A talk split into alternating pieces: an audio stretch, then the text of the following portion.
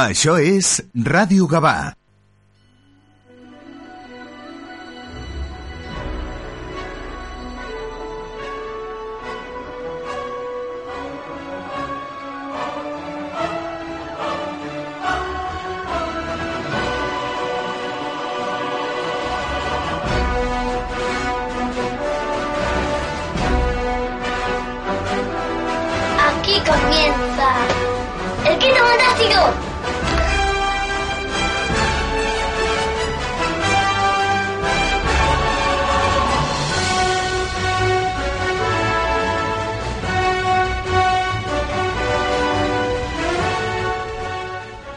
de la mañana y 43 minutos. Muy buenos días y bienvenidos a una nueva edición del Quinto Fantástico, episodio 2 de la novena temporada. Bienvenidos a vuestro programa de cómics. Un saludo de quien os habla, Alberto Jiménez. Segundo programa de la temporada y con ganas, con fuerza, de, daros noticias comiqueras, de presentaros a, gente, de presentaros eh, todo tipo de novedades. Eh, seguimos estando en todas las redes sociales, bueno, todas no, Estamos en Twitter, estamos en Facebook y, está- y estamos en Instagram. Ahí, ahí a tope, em, compartiendo noticias con todos los amigos y amigas comiqueras para, para daros vuestra información. Eh, eh, eh, hoy tenemos, tendremos un programa bastante, bastante cargadito, tenemos dos entrevistas, pero antes que nada, dar, como no, la bienvenida a nuestra hoy muy de hermana Gilda. Hoy ha venido muy de hermana Gilda nuestra Maite. Maite, muy buenos días.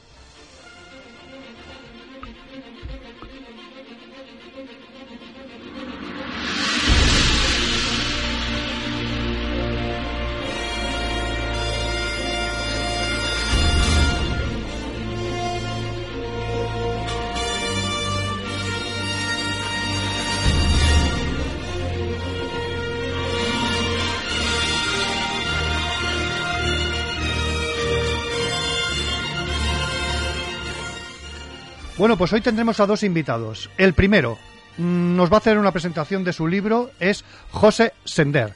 Eh, vamos a conocerle, es la primera vez que está con nosotros eh, y vamos a estar y vamos a hablar de su libro del cómic a la pantalla superhéroes en el, en el cine, editado por la editorial Redbook. Eh, todo un canto y toda una explicación muy, muy, muy interesante a todo lo que son series, cine y, cómo no, también a los orígenes de, de algunos personajes como podrían ser Mandrake, eh, Pimpinela Escarlata. Bueno, un libro bastante interesante y muy, muy cañero. Sobre todo, yo lo recomiendo, bueno, lo recomiendo para todo el mundo, pero bueno, que es para, para los, nuevos los nuevos lectores, pues creo que es una guía, os puede venir una guía para conocer muchos detalles, muchas curiosidades de, de películas y series. En la bueno, segunda hora, segunda entrega del programa, vamos a tener a un clasicazo de, de los nuestros, un patrio de los nuestros. Vamos a tener a Paco Sordo. Y vamos a hablar un poquito de, de su trayectoria. El jueves, orgullo, y satisfacción. Eh, pero al final, pero recalcaremos sobre todo la entrevista eh, sobre su último trabajo, El Pacto. Una obra que no te puede dejar indiferente y sobre todo a los a los amantes de, de, de aquellas de aquellas lecturas del TVO, de, de- de- del DDT, del tío vivo, del Olé, bueno, y bueno, sobre todo a los que hemos conocido su trayectoria mucho, muchos años después, como era el Gran Vázquez. Todo un canto a, a la editorial Bruguera, vaya. Y bueno, sin nada más que no nos vamos a entretener mucho más y vamos a entrar ya directo. No, no pudo estar José Sender, no pudo estar, eh, eh, bueno, no, no puede estar hoy. Entonces grabamos ayer la entrevista y estuvimos charlando allí con él sobre su, su libro Superhéroes en el cine. Así que, Maite, vamos allá.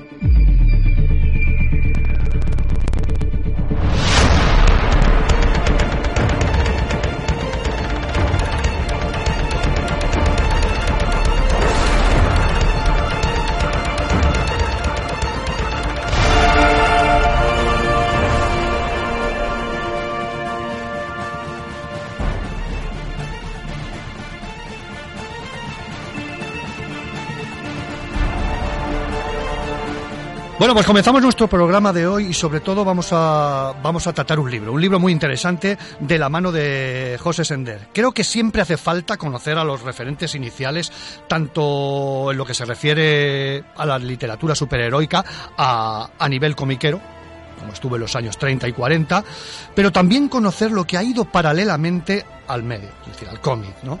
Como son la radio en su día, el cine, la televisión. De la mano de José Sender y de su libro Superhéroes en el, en el cine, del cómic a la pantalla, nos adentramos en este fascinante crossover, por llamarlo de alguna manera así, entre el cómic, cine y televisión. José, bienvenido al Quinto Fantástico de Radio Adá. Muy buenos días. Hola, buenos días. Encantado de, de estar con vosotros. ¿Qué tal? ¿Cómo estamos? Pues aquí, eh, esperando. muy bien, muy bien. Oye, ley- leyendo tu, tu biografía, mm, eres un auténtico veterano, ya que te has, te has, eh, has escrito ya cuatro, cinco o seis libros, ¿no? De, sobre todo del tema, del tema de cultura pop. Exacto, sí, sí. Es de lo que más, es de lo que más escribo. De vez en cuando saco alguna cosa de ficción también, pero por lo general sí. Le hago sobre todo libros sobre cine y series. Ajá. Oye, me, ha- Este es- me ha llamado mucho la atención un libro que, te, que bueno, con un, con un amigo nuestro que lo hemos tenido algunas veces en el, en el programa, eh, Tony Cudo, de, de Letra Blanca. Sí, lo hemos, tenido, lo hemos tenido aquí varias veces y que hiciste un trabajito para él, ¿no? Sí, el primer cómic que publiqué me lo publicó él, el Working for Canis, una, un cómic de humor que saqué en 2016. Ujú. Ujú.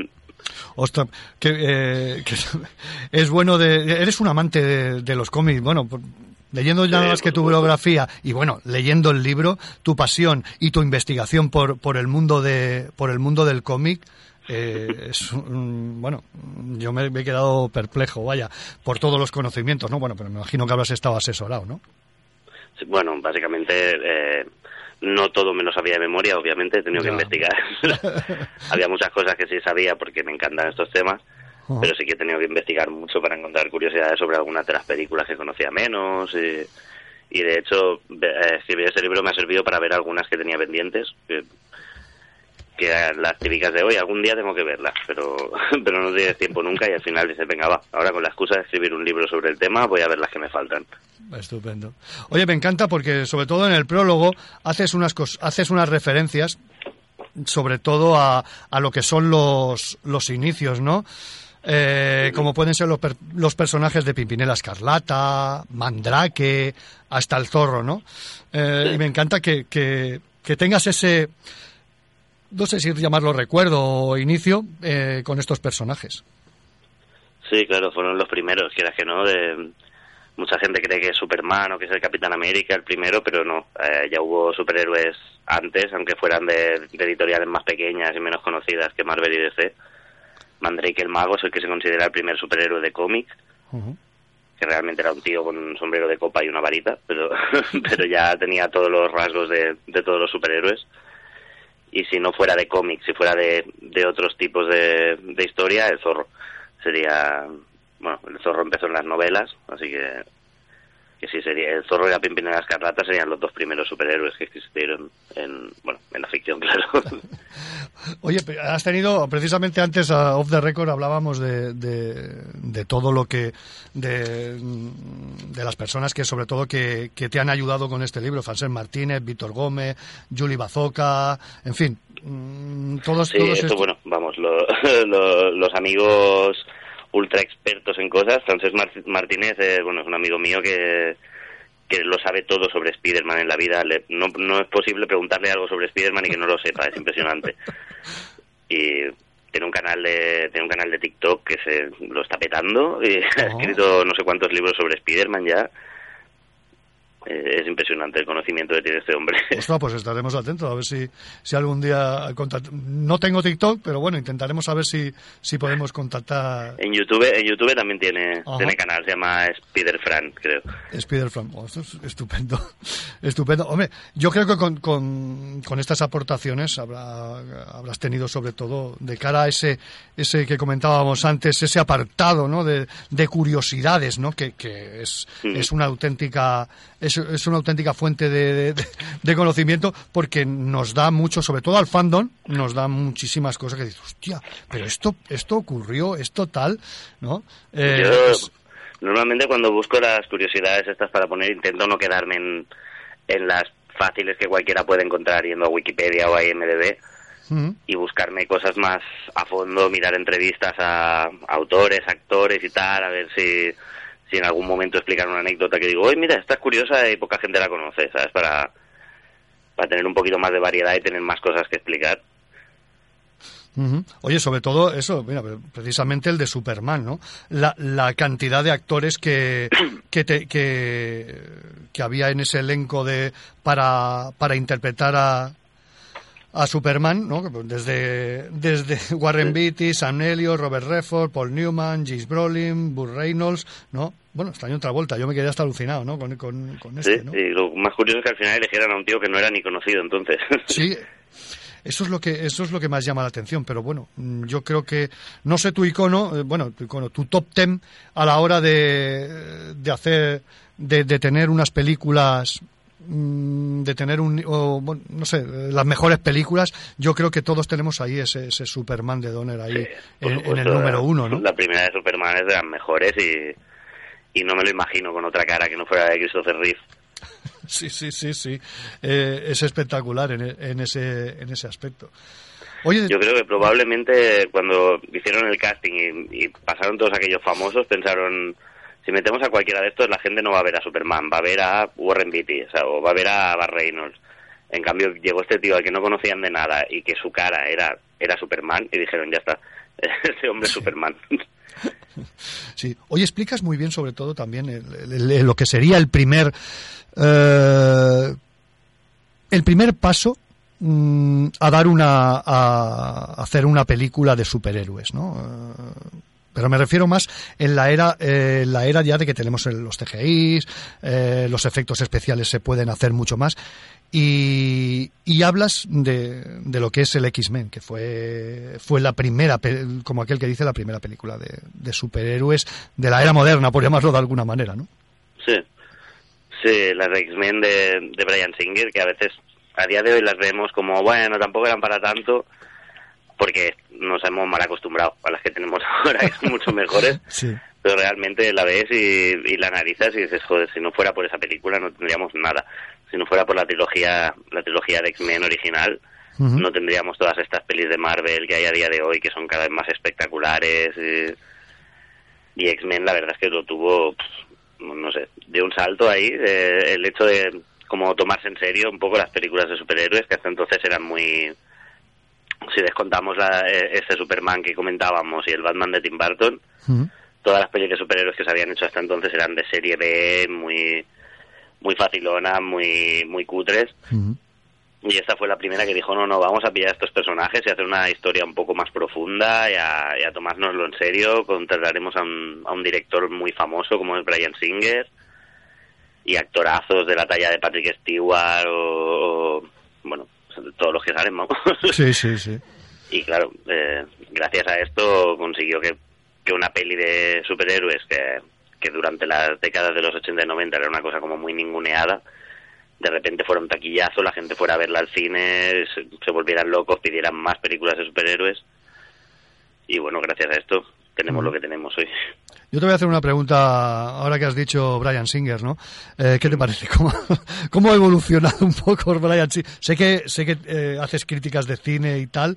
Eh, ¿qué- cómo, ¿Cómo ves la evolución de Brian Singer, no? Porque yo creo que ha ido de, mm, bueno, de- con la obra maestra Sospechosos Habituales, Sí, eso no lo ha superado nunca. No, eso es, bueno, es que esa obra maestra yo creo que no la superará. Para mí, Singer es que es tan irregular que realmente ve- ve- solamente viendo sus pelis de superhéroes va sube, baja, sube, baja, te hace una buena, una mala. Sí, sí, Luego de sí. golpe sacó Bohemian Rhapsody, que, que estaba bastante bien, la, la peli de Queen, y, y, y no te lo esperas. O sea, yo ya cuando anuncian una película de Brian Singer no sé qué esperar. Así como cuando anuncian algo de Spielberg digo seguro que está bien porque este hombre no falla nunca. Eh, o anuncian alguna de, otro, de algún otro director que no me guste y digo, uff, seguro que no. Con Brian Singer no sé qué creer, nunca. Porque es, es el tío más irregular del mundo. Eh, nunca sabes cuándo te va a hacer una obra maestra y cuándo te va a hacer una peli aburrida. Sí, o acaba, o acaba como Rosario la Aurora directamente. Empieza como, acabó ahora, como has dicho en Bohemia Rhapsody, que acabó aquello, vamos, eh, que no sabía uno quién la había dirigido al final, pero bueno. Sí.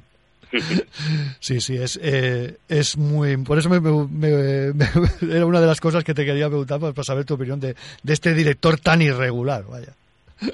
Oye, si hay algún libro que bueno, lo de las, eh, una cosa que me llama también, me ha llamado mucho la atención es que eh, tratas también con mucho cariño a, a los personajes secundarios, ¿no? Y, y, los realzas. Yo hay uno que, bueno, yo creo que, bueno, yo y creo que todo fandom eh, siente una auténtica debilidad, ¿no? Como es el caso de, del JJ Jameson, ¿no? Que, que nos hace en la primera trilogía de, de Spider-Man, ¿no? Mm. El, eh, que J.K. Simmons está eh, ahí espectacular y creo que no encontra va a ser muy difícil que encontremos algo eh, tan grande como J.K. Simmons interpretando a J. Jameson, ¿no? Yo creo que es de, los, de los mejores aciertos de casting que he visto en, en una adaptación de superhéroes, pues que lo ves y dices, es que es el personaje, lo han sacado de las viñetas, tal cual. es espectacular leí que, bueno, una de las curiosidades que puse cuando hablé de la, de la segunda saga, la del Andrew Garfield, es que es la única saga en la que no aparece JJ Jameson, pero en un principio estaba pensado que apareciera y iba a ser Sam Elliott. Que también lo piensas y dices, si otra persona que no fuera JK eh, Simmons pudiera hacer de Jameson, sería Sam sí, sí. Sí, sí. Fíjate, no, eh, qué curiosidades, ¿no? Ahora que estamos hablando así de, de, de Spider-Man. también lo comentas en, el libro, ¿no? sobre todo el, lo que ocurrió. Con, yo no sé si lo que ocurrió con el teaser de Spider-Man, la primera, la de San Raimi y tal, cuando... Bueno, yo, cuando yo lo vi la primera vez en el cine, me pegó un golpetazo la, la cabeza porque dijo, esto es Spider-Man. Sin salir Spider-Man, con la escena aquella que están los ladrones y tal, y cual, y cuando ya ves entre las dos torres gemelas eh, el, el, helicóptero entre las redes, ¿no? Ya, ya, ya se te cae todo y tal, ¿no? Pero, joder, que, que con el teaser tan bueno, la, lástima que pasó lo que pasó y tal, y lo tuvieron que quitar, ¿no? Sí, yo lo recuerdo perfectamente. De hecho, bueno, está en YouTube, se puede ver este, este teaser que en realidad era una, era una escena que iba a salir en la película, pero que al final la eliminaron, porque dijeron, hostia, eh, es un poco... pero sí, era esto, se veía un atraco a un banco, salían huyendo y, y huían en el helicóptero y de repente había una telaraña entre las dos torres gemelas que frenaba el helicóptero. Y que, como cuando hubo el atentado del 11S, empezaron a quitar todo lo relacionado con las torres gemelas de todas las películas americanas, pues eh, esta escena se fue, no llegó a la sala de montaje. Sí. Oye, cuando hablamos de... Estamos hablando de Spider-Man y sobre todo de San Raimi, ¿no? Eh, a nivel comiquero, hablar de Spider-Man es hablar de Disco, de Lee, de Conway, de Jill Kane, de Todd McFarlane. Eh, esto es a nivel comiquero. ¿Decir San Raimi también es decir Spider-Man en el cine? Sí, por supuesto.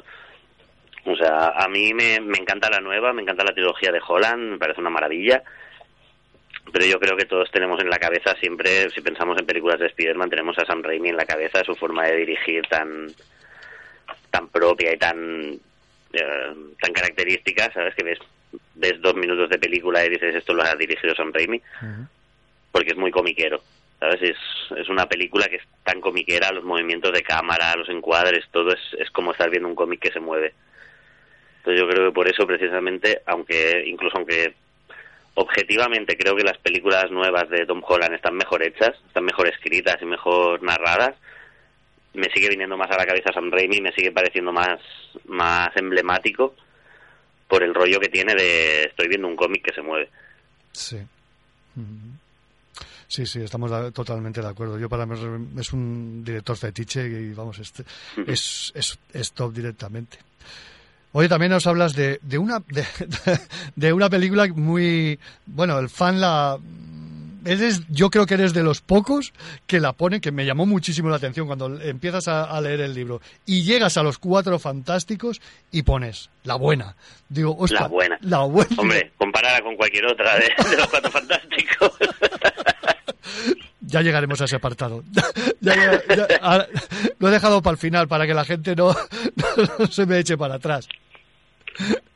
Sí, pero tienes que... hacer- eh, yo, mira que mucha gente... A mí me, a mí me gustó... eh, quizá, como dices tú muy bien, eh, el origen del... do- Como lo, lo pones muy bien, que lo, lo- el- lo peor de la película es el origen del Doctor Muerte, ¿no? Sí, Pero- es muy patillero, pero Sí, sí, pero que, que es una película muy muy comiquera, muy superheroica, muy yo qué sé, a mí me gustó muchísimo. Mira, tengo muy amigos- entretenida. O sea, sí que no tiene la, igual la profundidad dramática que tienen muchas de las de hoy, que se lo toman más en serio. Aquella era más de aventuras desenfadadas y jiji jaja, pero a mí me parece súper divertida y cada vez que la hacen me la trago. Esa película es... Lo único que me falla es esto, el, el Doctor Muerte, que no se parece tanto al de los cómics, y la pelea final es un poco... no es, no es muy espectacular. Eh, es, toda la peli es bastante espectacular hasta que la pelea final, eh, bueno, se pegan con una boca de incendio, la verdad. Sí, ahí está, no sí. Para ser el final de una peli de superhéroes podría haber sido más espectacular. Pero por lo demás es que recuerdo ver el casting y decir, es- no había visto nunca a Joan Gruffudd en ninguna película, no sabía quién era, pero lo vi y dije, este tío es Mr. Fantástico, es, es perfecto. Sí, que verdad. y sobre todo a, a Chris Evans haciendo la antorcha humana, que es lo mejor de esa película. Sí, sí, sí. Ese toque gracioso le da, fíjate, mira que se, mucha gente lo, lo califica a Chris Evans como, oh, no es un actor musculoso, tal, sí, el Capitán América está encasillado, que tal y que cual, pero, pero a mí me, a mí me encantó, eh, tiene ese registro de decir, cuando hace cuando hace de papeles de comedia es espectacular o sea en- a ver es el protagonista de no es otra estúpida película americana ya con eso te lo digo todo Sí, sí. Oye, me encanta también que, el- fíjate, en esto de, de- en los Cuatro Fantásticos, las curiosidades que nos, que nos pones, ¿no? El breve cameo de Herbie, eh, que hubo en la, en la pantalla. Yo, bueno, yo dejo al lector que, que vaya descubriéndome. Es que, bueno, es que me llama muchísimo la atención, sobre todo, eh, y, y otra historia, esta no, no la sabía, las- que en las fases iniciales del proyecto, Chris Columbus estaba metido en la producción. sí sí sí la primera bueno llevaban años ya hablando de la peli de los cuatro fantásticos y no había manera que saliera Ujú. El casting original este que iban a presentar como tres años antes Sí.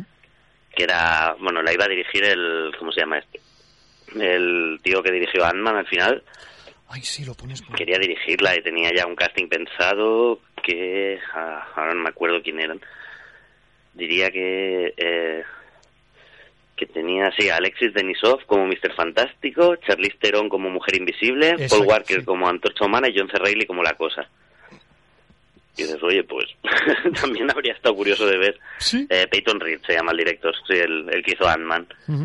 Estuvo como un par de años antes de que saliera esta peli estuvieron primero con ah ya pues a lo mejor la a lo mejor la, la dirige este tío y luego Chris Columbus estaba que quería quería hacerlo y que Reed Richards y Susan Storm fueran eh, Dennis Quaid y Mick Ryan. Al final tampoco llegó a llegó a cuajar. Ujú. Pero este habría sido curioso de ver la verdad sí, sí.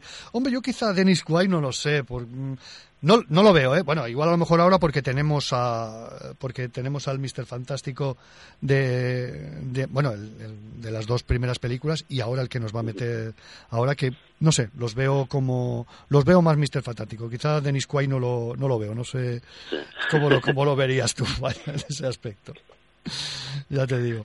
Una cosa curiosa es que llevo viendo, he visto varias veces desde que empecé este libro que Jude Law, Jude Law estuvo a punto de ser eh, el Doctor Muerte, estuvo a punto de ser, eh, yo que sé, un montón de villanos de Marvel y luego nunca. Y parece como que todos los directores estaban obsesionados con meter a Jude Law, Sí. hasta que por fin lo consiguieron en Capitana Marvel, Ah, vale, hacer de sí. villano, pero...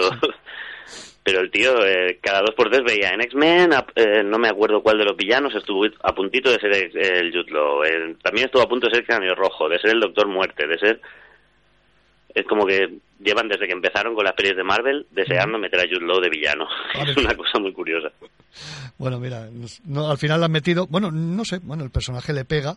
Eh, yo creo que puede ir bastante bien en, eh, Mm. eh, en ese aspecto. Bueno, a ver si le dan más, más chance con las con las próximas con las próximas películas. Vaya. A ver, a ver.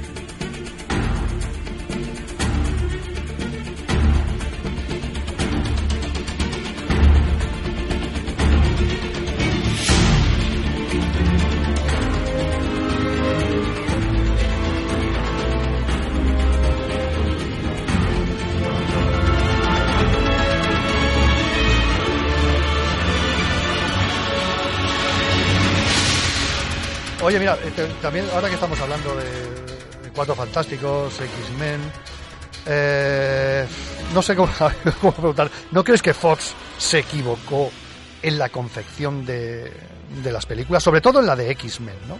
Que no, no tuvo un patrón de, no sé, no sé cómo llamarlo, eh, comiquero o una línea argumental, no lo sé.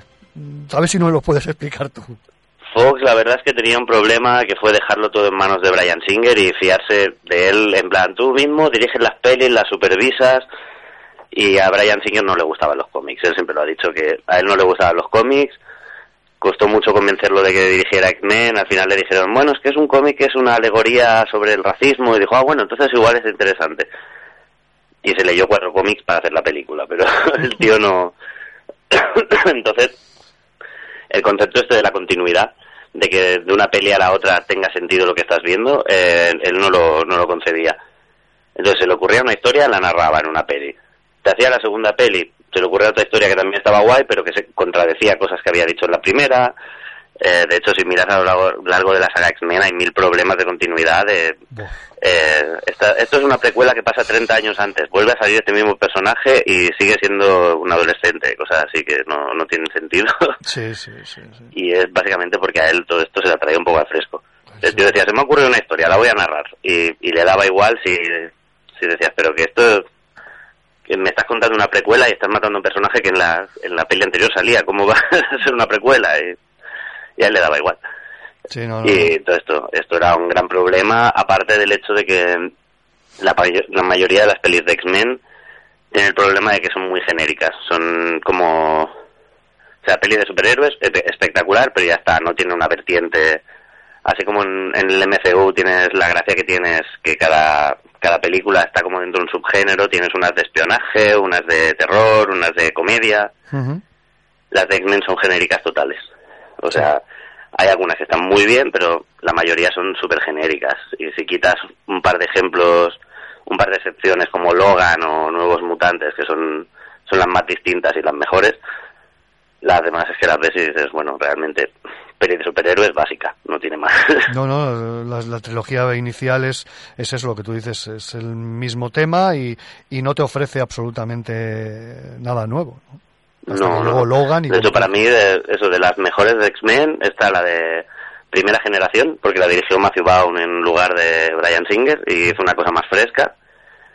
Y luego las que son un poco distintas, que son Logan, que es más, más oscura y más realista, y Nuevos Mutantes, porque es de terror. Y se, han atrevido a hacer una cosa distinta, que, que no sea igual que todas las otras pelis de X-Men.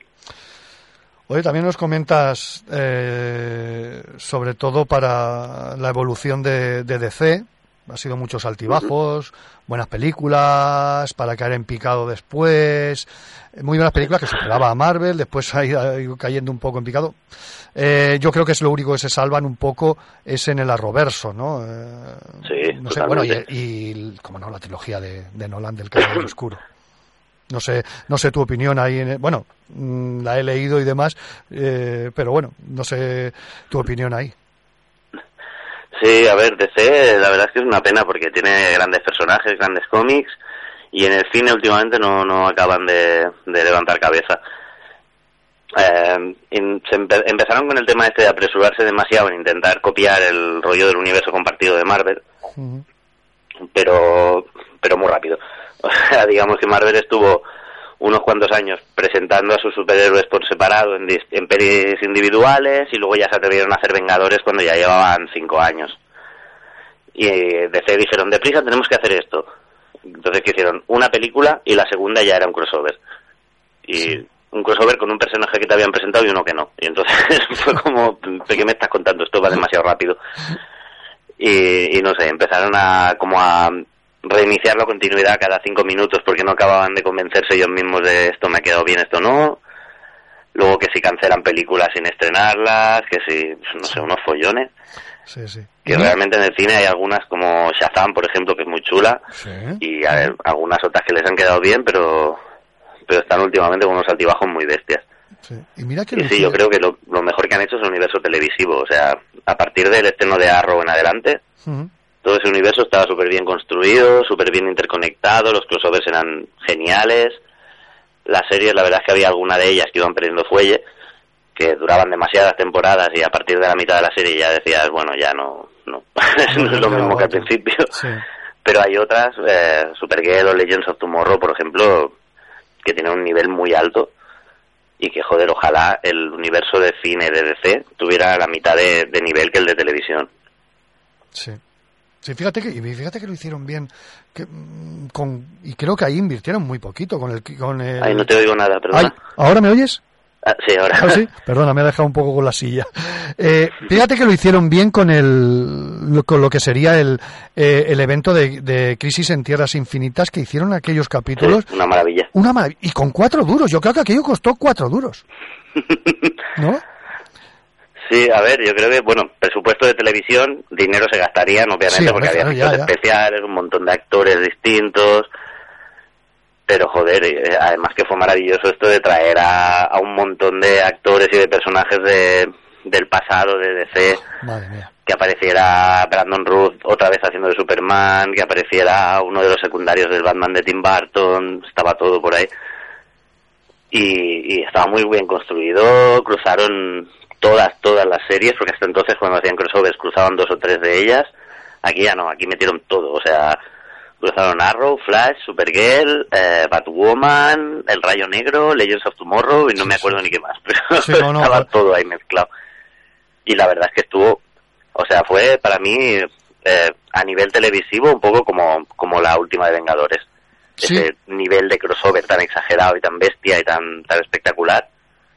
A nivel de tele, yo creo que lo más parecido que se ha hecho jamás es, es este, de Tierras Infinitas. Sí, sí. Por cierto, lo, lo, lo explicas muy bien. Lo recomiendo al lector que, que si está intrigado por, por, por este, por este evento, que, que venga porque lo explica muy bien, con los episodios marcados, donde hay que seguir, perfectamente, perfectamente explicado, vaya, en el libro. Sí, sí, sí, sí. Oye, para darle un giro al universo superheroico, superheroico tanto a nivel tanto a nivel comiquero, que a nivel comiquero cambió, eh, yo qué sé, no sé ahora con decirte con, con la era del apocalipsis y de- lo- los multiversos y tal.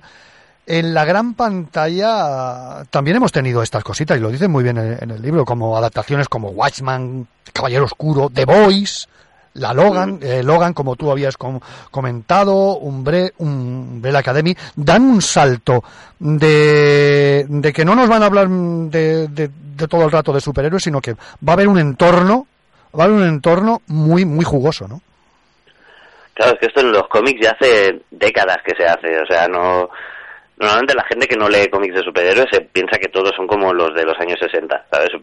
Sí. como los primeros números de los Cuatro Fantásticos, en plan súper facilones y coloridos y ya está.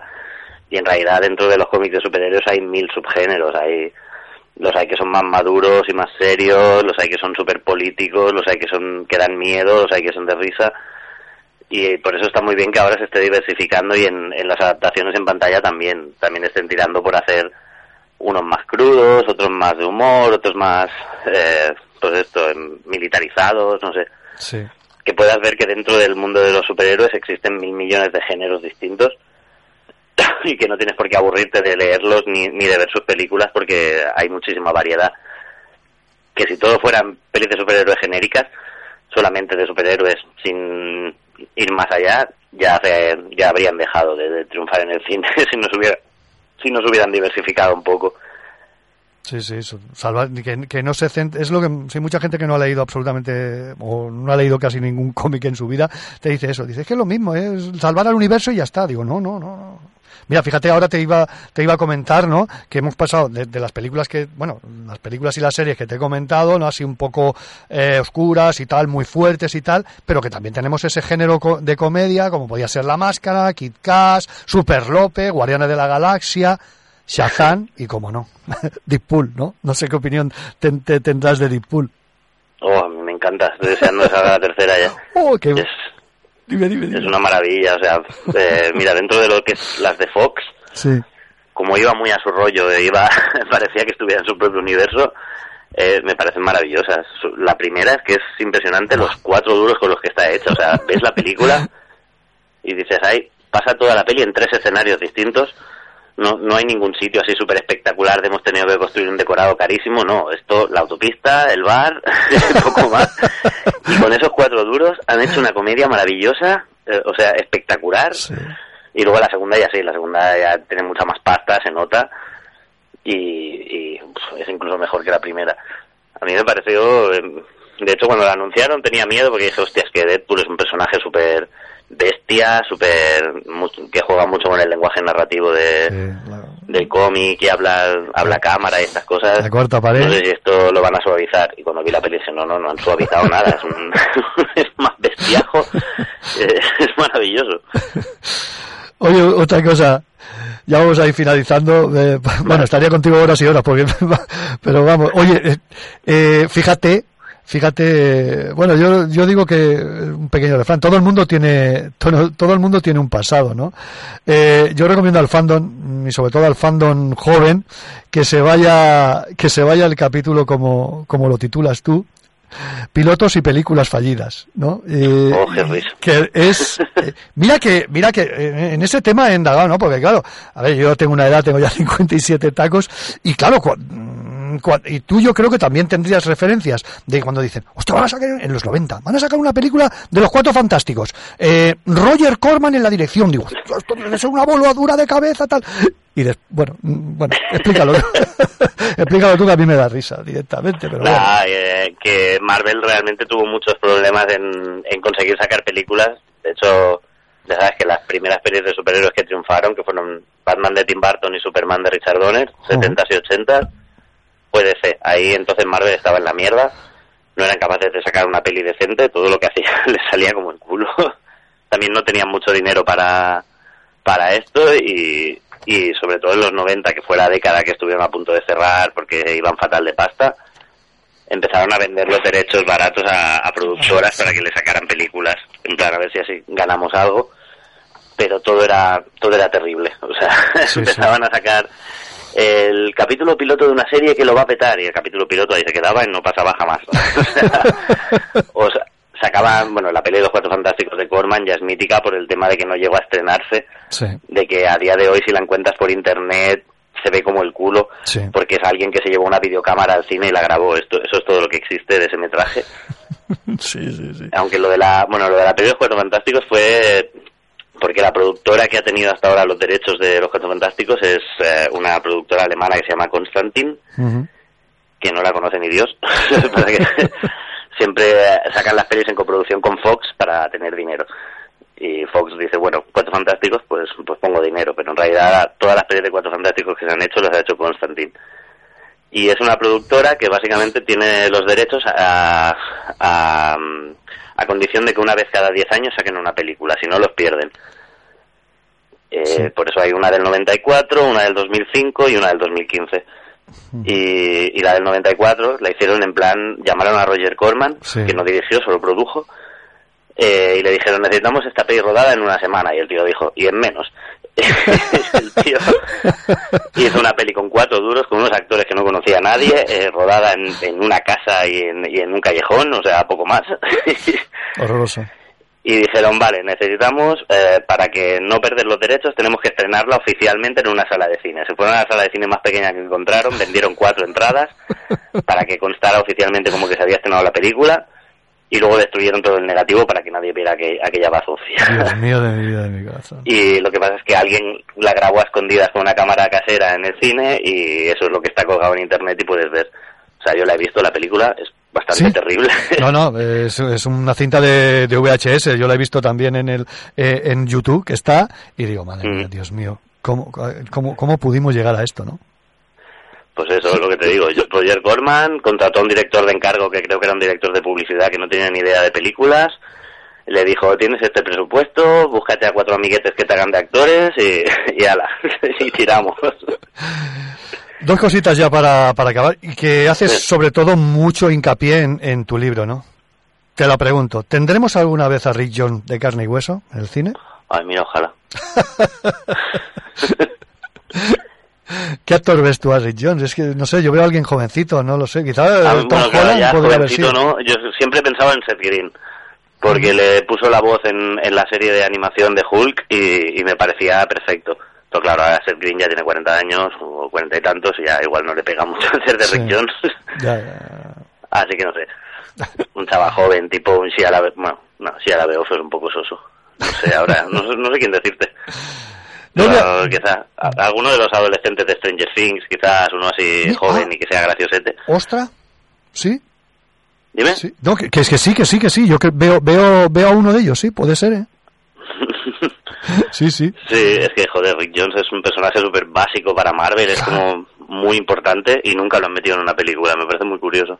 Es que es, es, es- aunque hubiese sido un cameo, decir, oye, eh, lo dejamos ahí, no sé, nombre, pam, pam, yo que sé, alguien que salga un momento y tal, eh, no lo sé, no sé de qué manera, pero, pero para que el fandom eh, hubiera visto, decir, hostia, que está ahí, que Jones también, que Jones también va a salir, vaya.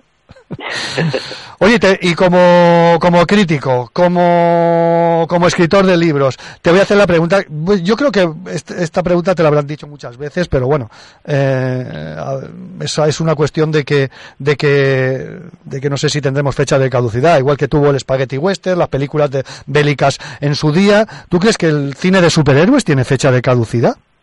Yo de momento creo que no. Eh, por lo que te he dicho, por lo mucho que están diversificando subgéneros, es un poco, se ha convertido como en, en lo que en los 70 empezaron a ser los grandes blockbusters de aventuras, con que luego, pues, que es Indiana Jones, que si tal, eh, eh, era un género que también decían mucho los críticos de, ay, esto no durará, la gente se aburrirá, y mira, 50 años después se siguen haciendo pelis así. Sí.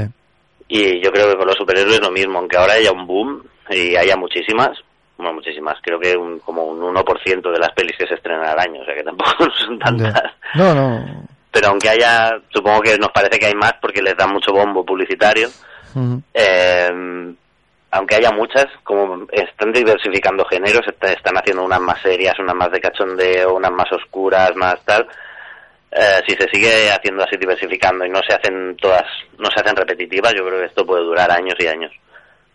Sí, sí, sabéis lo que tú dices, muy- sabiendo conjugar, bueno, y tú lo separas muy bien en el libro, sabiendo conjugar mm, personajes que son comedias, eh, otros que son más, más, más género oscuro, eh, yo creo que se puede tirar para adelante muchos y muchos años. Ujú.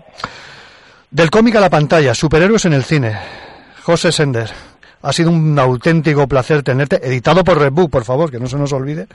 Eh, ha sido un auténtico placer hablar contigo y estaremos a- estaremos estaré muy atento a, a tus aventuras porque y voy a ver si cojo alguna cosita de la de las que tenías antes para para poder para poder leerla, ¿no? Me ha llamado mucho lo de la de la de Buffy cazavampiros también. Espero Este, el de Buffy sale este mes. ¿Sale Es este nuevo. mes? Hostia, pues Sí. vamos a ver si te tenemos un ratito, un día, a ver cuando pase un poquito, cuando a ver cómo evoluciona y te tenemos un tío. Pues es una serie muy de culto esa, ¿no? Vale, perfecto. ¿Vale? Pues muchísimas gracias. Oye, José, un placer, un placer poderte, poder hablar contigo de cine, de cómics y, oye, nos vemos en la próxima, vaya. Igualmente. Gracias, José. Hasta luego.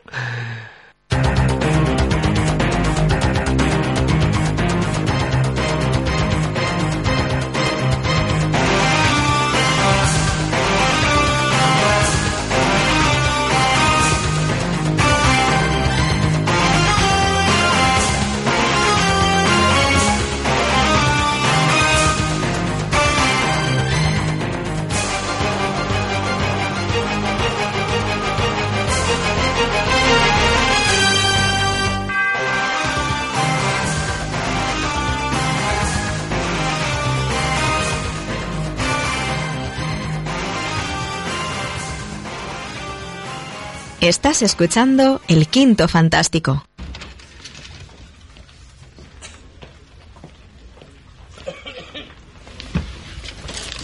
Tome. ¿Esto qué coño es? Son las nuevas normas. A partir de ahora, el que quiera cobrar tendrá que firmar eso.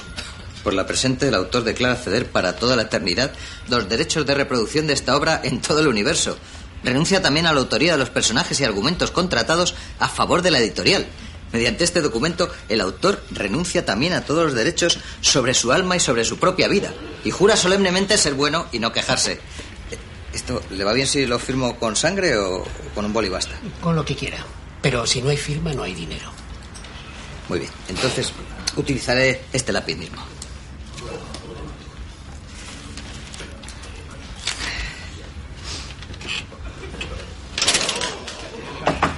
Adelante. Se puede. Vázquez. Pasa, hombre, pasa.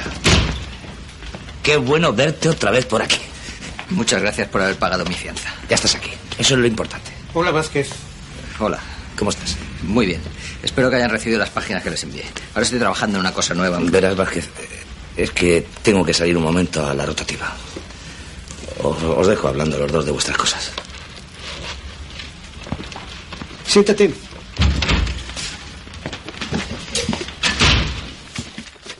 No, me importa. Bajo, esta, bajo este pequeño corto de, de la película Can Vázquez, nuestro invitado de hoy, Paco Sordo, nació en el puerto de Santa María, en Cádiz, en el 79. Trabajó en El Jueves, Giraldo Gráfico, Ediciones Batracio, eh, Batracio Amadillo, perdón, y su último trabajo en 9 de 9, El Pacto. Ha estado trabajando en los más conocidos estudios de animación de Europa, tanto para el cine como en la televisión. Compagina con diseño de personajes, trabaja como freelance en los campos de ilustración y el cómic. Don Paco Sordo, muy buenos días y bienvenido al Quinto Fantástico de Radio Gabá. Don Paco Sordo, muy buenos días y bienvenido al, al Quinto Fantástico de Radio Gabá. Hola, muy buenos días y gracias por, por tenerme aquí. ¿Qué tal, Paco? ¿Cómo estás? Muy bien, muy bien, todo trabajando mucho y, y muy contento por ello. Oye, pues eso es lo, eso es lo más im- eh, importantísimo, que después de, de todos este, estos dos, tres añitos de pandemia tengamos eh, nuevas publicaciones, eh, la gente este empieza a trabajar porque estaba, el, sobre todo el gremio de, de cómics, estaba bastante, bastante tocado, ¿no? Sí, bueno, ya sabes, lo que es el tema de, de autores que trabajamos en casa, pues lo hemos llevado de una forma diferente, pero lo que en general el mundo del cómic sí que sí que ha tenido ahí un varapalillo. Pero luego ha subido bastante, ¿no? Incluso a raíz de eso. O sea que más o menos la cosa se ha compensado. Sí, yo creo que sí. Y aparte, eh, yo creo que mm, se dio un paso muy importante, sobre todo cuando estábamos encerrados todos, habían, se dieron muchos, eh, las editoriales dieron para, para que la gente pudiera leer cómics a través de las redes sociales y yo creo que se, se, se dio un paso muy importante, ¿no? En ese aspecto. Sí, sí, sí, sí, totalmente. Y, y ya te digo, creo que a nivel de venta eh, la cosa fue favorable. Dentro de lo catastrófico que fue todo, pues una de las poquitas cosas relativamente buenas que hubo fue, fue eso, un, un aumento en la venta. Se habla mucho de, del subidón que ha tenido, por ejemplo, el manga a raíz de- del confinamiento, porque los chavales en casa pues necesitaban eso, necesitaban ocio y, y el manga fue una tabla de salvación para muchos de ellos Sí, sí. y Bueno, para muchos para muchos libreros. Sí, joder, que, eh, otro otro ramo que también estuvo ahí padeciendo que, que vamos, que si abre, que si no abre, que si tal, bueno, menos mal que, que la cosa se ha podido se ha podido tirar para adelante, vaya. Claro. Oye, en primer lugar felicitarte, no pude, no, estábamos allí en el salón, pero bueno, yo eh, después de dos o tres años también, en el salón de Barcelona, una vorágine de gente de, de- Claro. de esto y tal, no pude felicitarte en persona, te felicito ahora por el premio de Mejor Obra Nacional en, eh, en el Salón del Cómic de Barcelona. Pues muchas gracias, muchas gracias. Oye, fue llegar y besar el santo, eh, tu- porque es tu primera novela gráfica, como podemos eh, como saber, y llegar, ¡pum! y besar el santo, ¿no?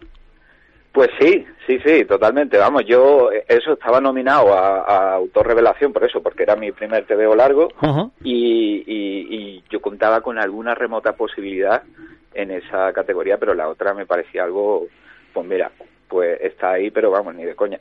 Y fíjate, al final fue la otra, o sea que estupendo.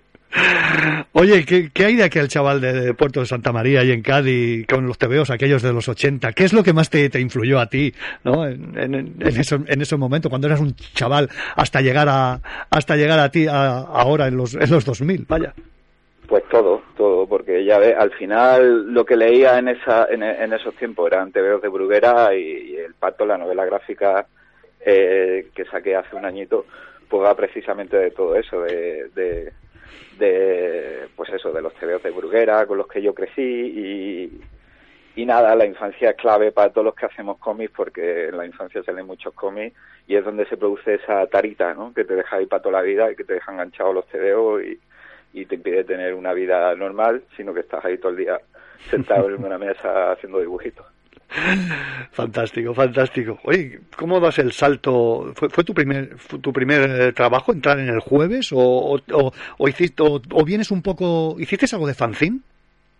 No, yo eh, fanzine no llegué a hacer, intenté hacer eh, cuando era un chaval, pero yo vivía en el puerto de Santa María, en Cádiz, y allí movimiento de cómic, pues que yo supiese no, no había mucho. Y había una tienda de cómic en Cádiz, puse ahí un cartel, me acuerdo, intentando montar un fanzine, pero la cosa no salió bien. Y yo luego donde, donde me, pues donde hice un poco de rodaje y tal fue en el tema del webcomic, que era ya, pues eso, cómics que se hacían para internet, páginas web, tenías tu blog, ibas poniendo una tira cada semana y fue ahí un poquito donde, pues, eso fueron mis fanzines, ya digital totalmente. Mm-hmm. Y entonces das el paso al, jueves. ¿Vienes a trabajar aquí a Barcelona o, con lo del jueves o no? No, yo llevaba cinco años trabajando en, animación, en dibujo animado, ahí sí que estuve viviendo un añito en Barcelona. Y después de todo eso, a raíz precisamente de trabajar en animación, me contrataron del jueves porque en aquel momento eh, el jueves tenía un departamento de animación pues que hacía muchas cosas pues para otras páginas web, para la web de marcas, estaban intentando hacer cosas de televisión, hacían algo de publicidad y yo entré por ahí pero pero a distancia, viviendo viviendo en Madrid y trabajando para allá. Y fue a raíz de eso que, que empecé a empecé a trabajar en la revista, les propuse una serie de tiras, luego les propuse una serie regular y, y fue a raíz de eso.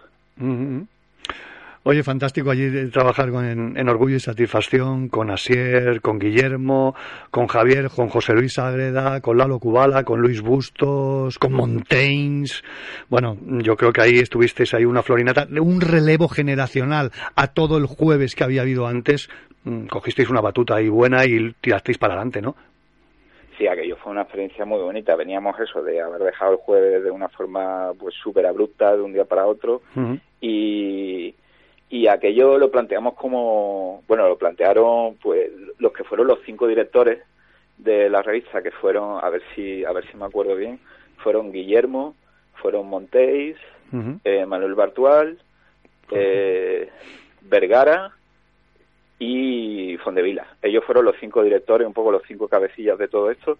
Y lo que, claro, como te decía, nosotros somos autónomos, eh, trabajando ahí, pues eso, cobrando por página, sin ningún tipo de... Claro, cuando dejas un trabajo normalmente tienes una serie de, de ayudas, tienes paro, tienes tal. Nosotros no teníamos nada y aquello nos lo planteamos como un finiquito. Vamos a hacer esto, un número especial, vamos a venderlo por internet y si sale bien, pues nos sacamos algo para para capear ese temporal.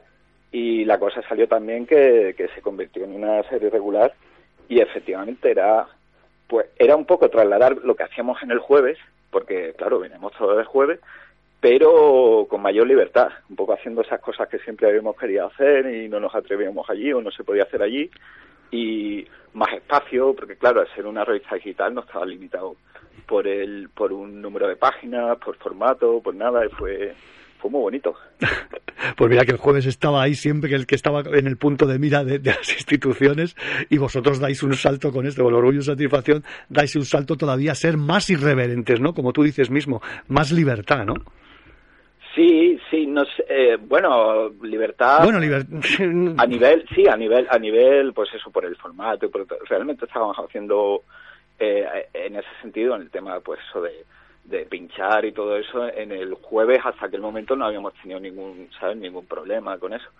Era más eso una cuestión de ahora tenemos un formato que nos permite hacer las páginas que nos dé la gana hacer el, eso el formato que nos dé la gana si si algo necesita más espacio para contarse se, se utiliza más espacio eso era muy guay. Y había algo muy bonito porque claro la revista el jueves venía de pues eso en, su día inicialmente era como una cooperativa de autores eh, luego, pues eso pasó por algunas manos, acabó en manos de, del grupo editorial RBA.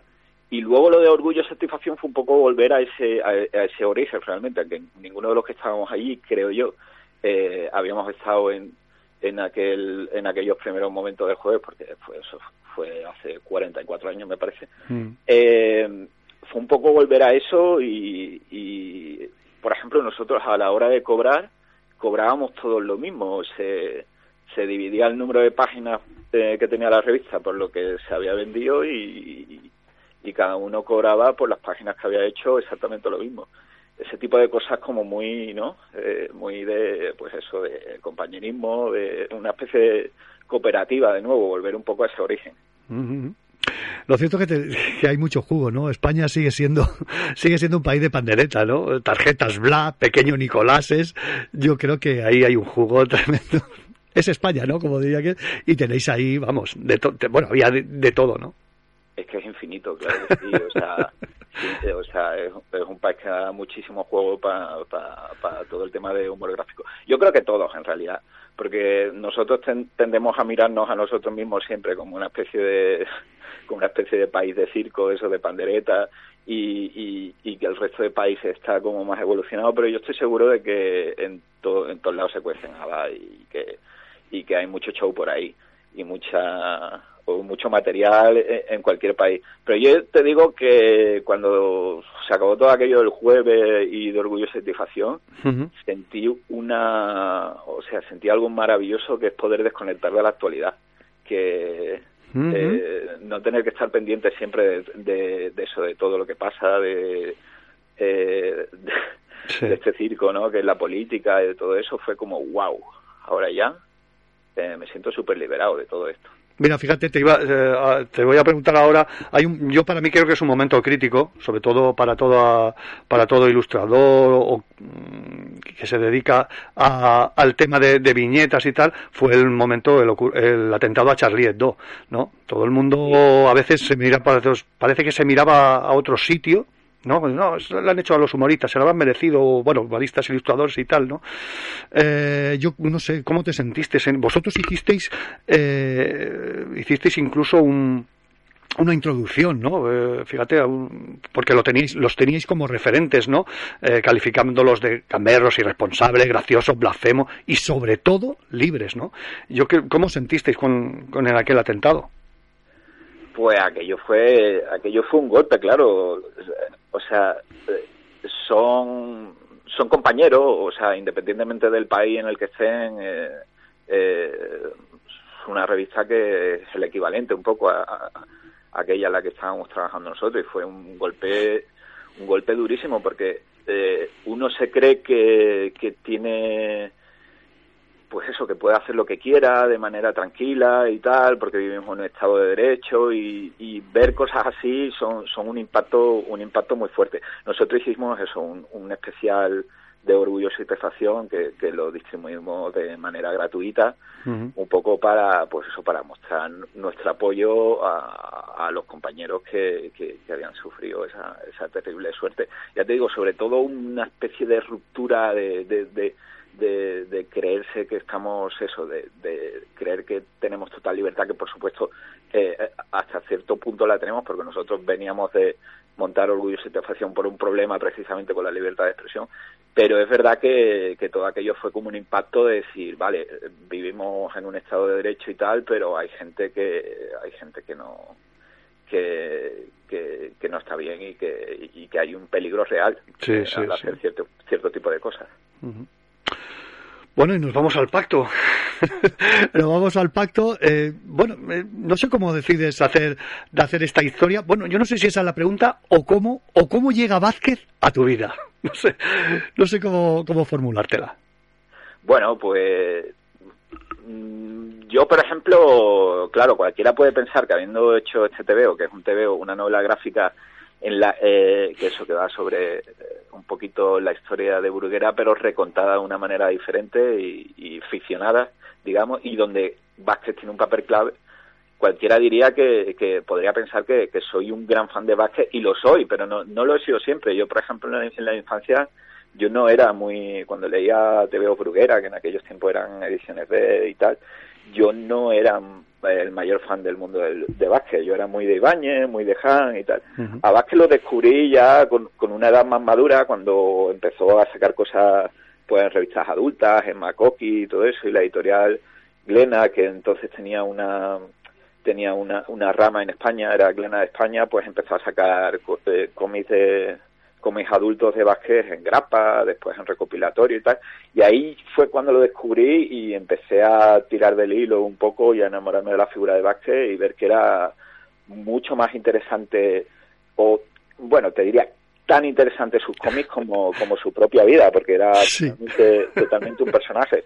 Y claro, a la hora de, de hacer el pacto, de hacer una historia ficcionada de Bruguera y de buscar ahí quién me podría dar más juego para contar la historia, pues Vázquez era el número uno, porque era, eh, era un personaje tan sumamente tan sumamente difícil de creer todo lo que cuentan de él, todo lo que él mismo contaba de él, que, que, que era que era impresionante, que, que daba muchísimo juego. Sí, sí, bueno, y nos llevamos la sorpresa, seguro que la habrás visto, la de la del Gran Vázquez, la de Santiago Segura, la película, que hemos puesto una pequeña introducción a, la entrevista con un trocito de cuando él va a cobrar un, un cheque y demás, y bueno, lo sacan de la cárcel y, y ahí lo conoces más y es, es espectacular, vaya.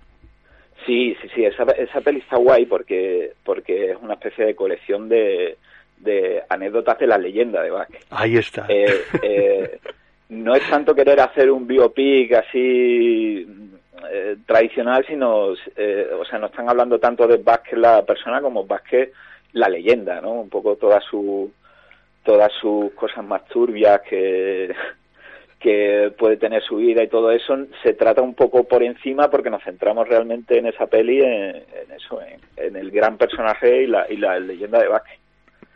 Es que es genial. Oye, y fíjate, para los más nostálgicos, que lo, has comentado alguna vez, eh, sobre todo en mi caso, yo cuando llegué a la tienda de cómics que voy y veo la portada, digo, esto debe ser mío. Es que vi la portada de joyas literarias. digo, digo, digo, esto tiene que ser mío. No sé lo que habrá dentro, pero tiene que ser mío, ¿no? ¿Cómo jugaste ahí con la portada nada más? Es que ya enganchas pues nada, misión cumplida, claro. Yo lo que quería ahí era pegar un golpe, un golpe, un golpe de nostalgia, porque claro, eh, este, este TVO, pues eh, mi target de lectores, digamos, eh, eh, es amplio. Yo quería llegar a la mayor cantidad de gente posible, pero yo sabía que había un cierto, una cierta generación que que está muy ligada a Bruguera y que con una portada así, pues pues ya directamente tendría el mensaje de, espera, esto es mi infancia, esto es de qué va esto. Y, me acuerdo que estuve, eh, tuve esa idea de, eso, de hacer una portada que recordara a Bruguera desde el principio, y estuve barajando distintas posibilidades. A lo mejor hacer una portada tipo una revista de pulgarcito, tipo un superhumor y tal. Pero como era una historia, claro, no era una recopilación de historias cortas y tal, me pareció que aquella era la que más un poco definía lo que había dentro del TVO.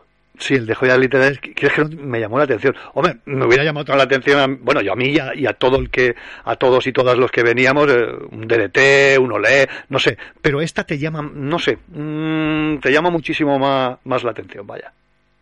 Sí, sí, la, la cosa yo estoy muy contento con, esta portada. Oye, sabemos una cosa, eh, bueno, mm, prólogo de Carlos Areces, un auténtico devoto de, de Bruguera, del TVO de aquellos años. Eh, ¿Cómo contactas con Carlos para, para, hacer el prólogo? ¿Lo conocías? ¿Le propones, eh, oye, mm, voy a hacer un prólogo? Bueno, no lo sé. ¿Cómo, cómo, lo, cómo lo haces? Pues es vecino mío. Mm, vecino mío vive, muy cerca de mi casa, en Carabanchel. Yo no lo conozco. O sea, todo fue a raíz del editor, que sí que había estado trabajando con él en un proyecto de libro infantil que al final me parece que no, que no acabó de salir. Y tenía el contacto y, yo le propuse una serie de personas que crea que, estaría guay que si pudiéramos dar con ellas para hacer el prólogo del TVO. Y Carlos Ares era de las primeras. Y como el contacto estaba reciente y tal y fue posible, pues fue todo bastante fácil. Él se prestó a hacer la, la, el prólogo a cambio de ¿Mm? que le hiciera un dibujito. O sea, me parece muy inteligente por su parte, porque siempre estamos haciendo cosas gratis así y tal, y dices, oye, ¿por qué no pido algo a cambio?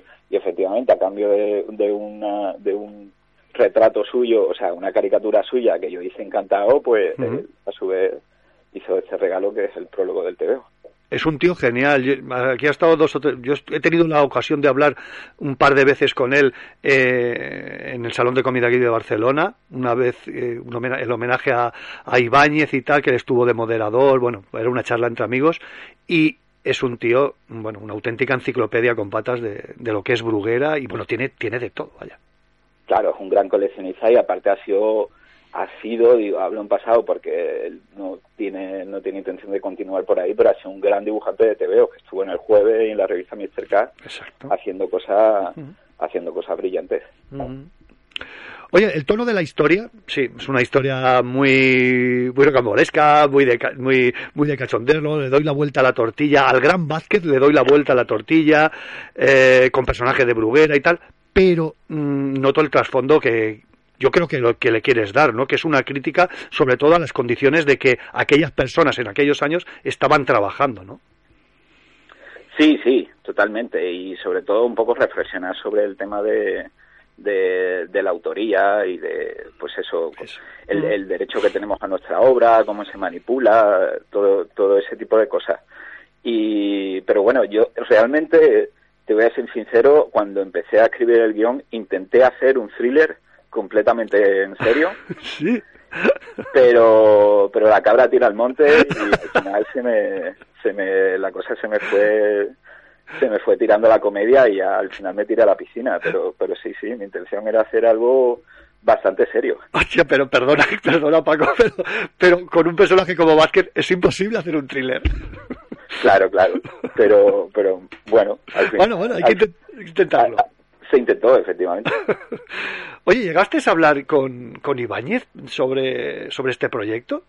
No, no, para nada. O sea, todas las personas, porque en el, en el TVO hay una serie de declaraciones de, de, gente que forma parte de la historia de Bruguera, todas las personas que están ahí, eh, que son reales, con ellas he contactado para pedirles permiso y Ibáñez es la única persona que no, pero porque se me escapa del radar y no sabría ni cómo llegar a él y de todas formas eh, soy consciente de que él nunca va a leer ese, este TVO ni, ni siquiera se va a enterar de que existe o sea que tampoco tampoco había mucho problema con eso Hombre, no lo sé, yo lo no sé, yo a ver, hablo bajo lo que he visto de Ibáñez en salones del cómic, a lo mejor en alguna presentación, bueno, el hombre ya tiene, recordar que tiene 82 años y tal, pero mm, yo no sé, no, no, no, no, sé si le haría, no, no creo, no creo que le desagradaría el, el, el poder leerlo, verlo, ver el, el pacto, vaya. Hombre, a mí me encantaría que lo leyese, pero ya te digo, a la hora de contactar con, con gente, eso, para pedirle permiso, oye, estoy haciendo este TVO, eh, quiero sacar unas una viñetas tuyas en la que dices esto, porque el TVO va de esto y tal, eh, no, no tuve manera de hacerlo y dije, bueno, no, no pasa, no pasa nada. bueno, bueno. Oye, otra cosa de, la historia que, me, que, te llama mucho la atención y te va, te va metiendo es que vas contando la historia, pero vas va, van apareciendo personajes, muchos que trabajaron en, en Bruguera, como una especie de, documental. Eh, hablan Mel, Mel José Luis Vial, Pablo Vicente, Jaume Rovira, el bueno, el propio Ibáñez. Pero ah, lo, lo, planteas allí en el, en el, en el TVO como, como un documental, ¿no? Como dices, oh, ha pasado esto y tal, sobre, sobre lo que ocurría en lo que estabas contando tú. Claro, porque yo lo que quería en todo momento era, ya que estaba eh, ficcionando la historia, o sea, volviendo a un momento concreto de la historia y planteando una especie de universo alternativo en que todo era diferente, pero igual, quería eso, crear una especie de halo de verosimilitud y eso me lo da el documental. Aparte, eh, o sea, lo que estaba haciendo una especie de eso, declaraciones, fondo negro, muy muy documental, ¿no? Donde gente donde gente habla de la figura de del protagonista y de Vázquez y todo eso. Y aparte, me, a nivel narrativo me venía muy bien porque estaban dando una serie de información que, que el lector necesita para estar en contexto en todo lo que es la historia de Bruguera y todo eso, que si lo tuviera que haber metido de forma orgánica dentro de la historia, hubiera hecho que la historia fuera un poco demasiado larga. Y aprovechando este recurso me permitía eso, te pongo en contexto, Bruguera era esto, pasaba esto y todo esto, y ya hacía un poco más dinámica la lectura también. Eh, me remito una vez más al, prólogo de, de, Areces, ¿no? Eh, ¿Tendremos aventuras propias del pato gitano con el niño Jesús? ¿Jesús? No, no. ¿No? Nunca, no, no, no, porque precisamente, claro, eh, el protagonista al principio de la historia, pues eso, lleva una serie de páginas a la, a la, a la editorial Bruguera, que son eso, que son su personaje, que es el pato gitano, y sale por ahí el niño Jesús y pero claro estamos en los años 50 Ujú. el, el mundo ha cambiado mucho ahí Sí. ahí precisamente estoy haciendo un guiño a, a- a cosas como la familia Churumbel que era un TVO que hacía Vázquez que era de, de una familia de etnia gitana y, y que era profundamente racista eso a día de hoy Bueno, impensable. no, no tendría no tendría cabida eh, en nuestra sociedad afortunadamente Oye, ¿y cómo, no sé, cómo crees que hubiera reaccionado Vázquez cuando se hubiera encontrado esto? Se hubiera, hubiera ido un día al kiosco, bueno, en este caso ya ahora en las librerías eh, de cómics y tal, y hubiera y se hubiera encontrado esto. ¿Qué crees, cuál crees que hubiese sido su reacción?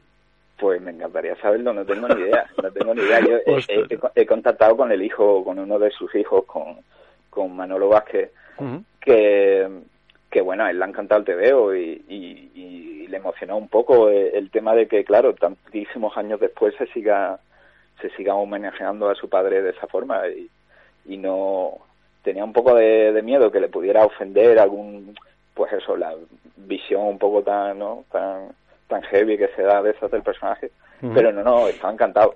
Y yo creo que Vázquez si, si hubiera visto esto no sé, no tengo ni idea de si le hubiera gustado realmente o le hubiera molestado. Yo quiero pensar que sí, que le hubiera molado. Yo creo que sí, yo creo que sí. Es un, bueno, como te he comentado antes, yo creo que es una vuelta a la tortilla y se hubiera visto en uno de, de sus víctimas, pues hubiera visto él mismo, ¿no? No, no lo sé. Sí, no lo sé, no lo sé, no lo sé. Oye, otra, bueno, ya para finalizar, eh, cambias el chip, mm, que es un cambio, yo creo que brutal, brutal, ¿no? Compaginas estos trabajos, ¿no? Sobre todo con algo tan diferente como la ilustración infantil y la animación.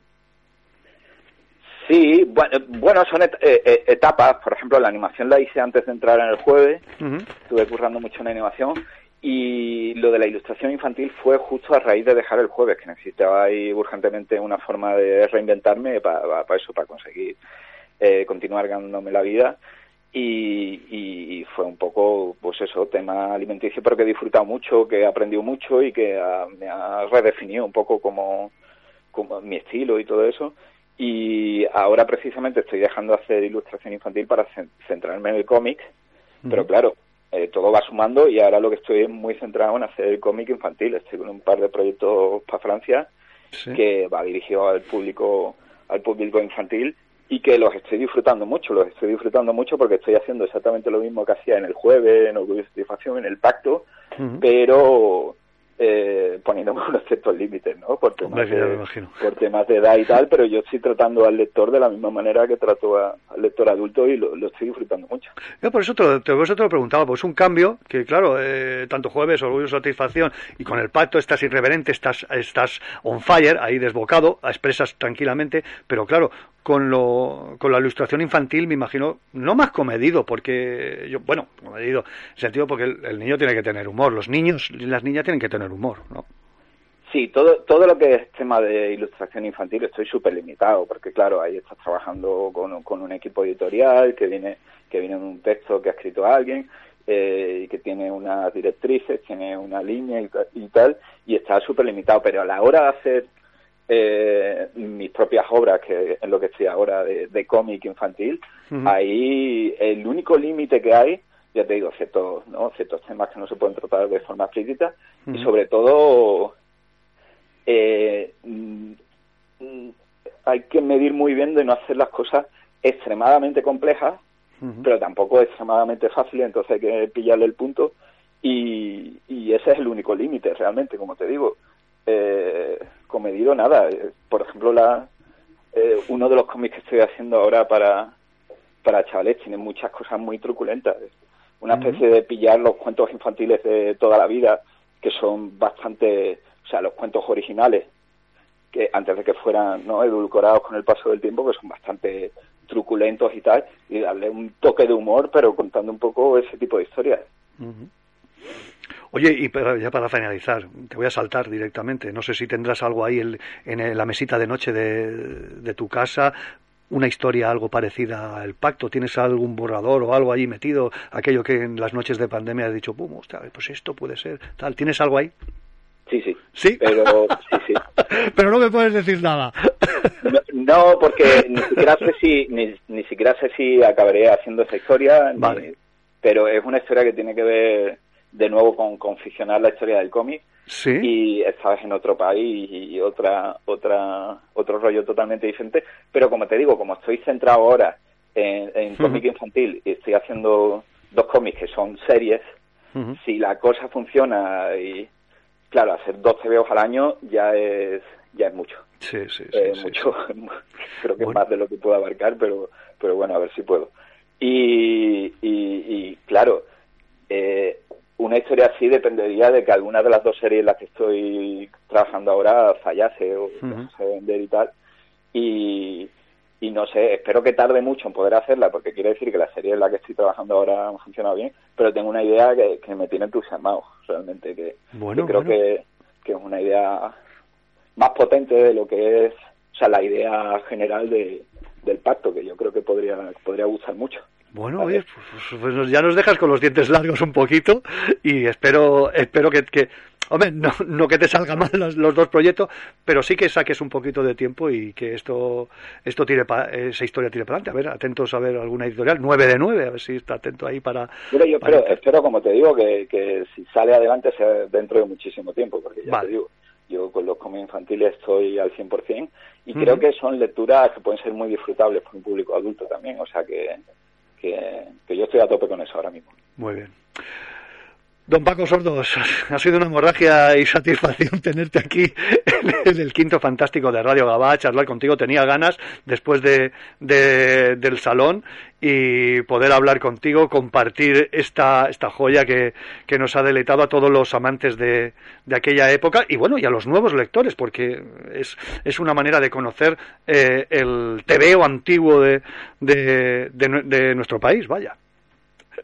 Oye, pues para mí también un placer enorme que hayáis contactado conmigo y me lo pasa muy bien charlando contigo este ratito. Yo genial, yo genial. Oye, Paco, nos vemos en la próxima, a ver si, si a- miraremos a ver y bueno, si, si vienes a Barcelona o estás por aquí por Barcelona, ya intentaremos hacer un café en alguna presentación o en el próximo salón y hablamos otro ratito. Perfecto, muy bien. Pues nada. Oye, muchísimas, much- muchísimas gracias, Paco, por estar aquí en los micrófonos de Radio Gaba. Venga, un abrazo. Gracias. Con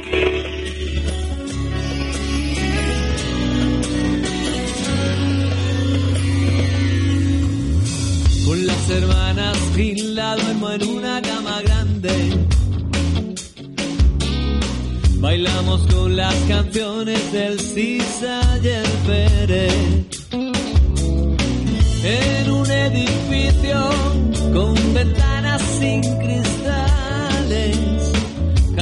Yo vivimos a base de latas de calamares. Bueno, genial. Desde José Sender hasta Paco Sordo, genial tener esta, estas formaciones en nuestro cómic, cómic, literarios nacionales que nos dan, nos dan un- una vida tremenda. Después de todo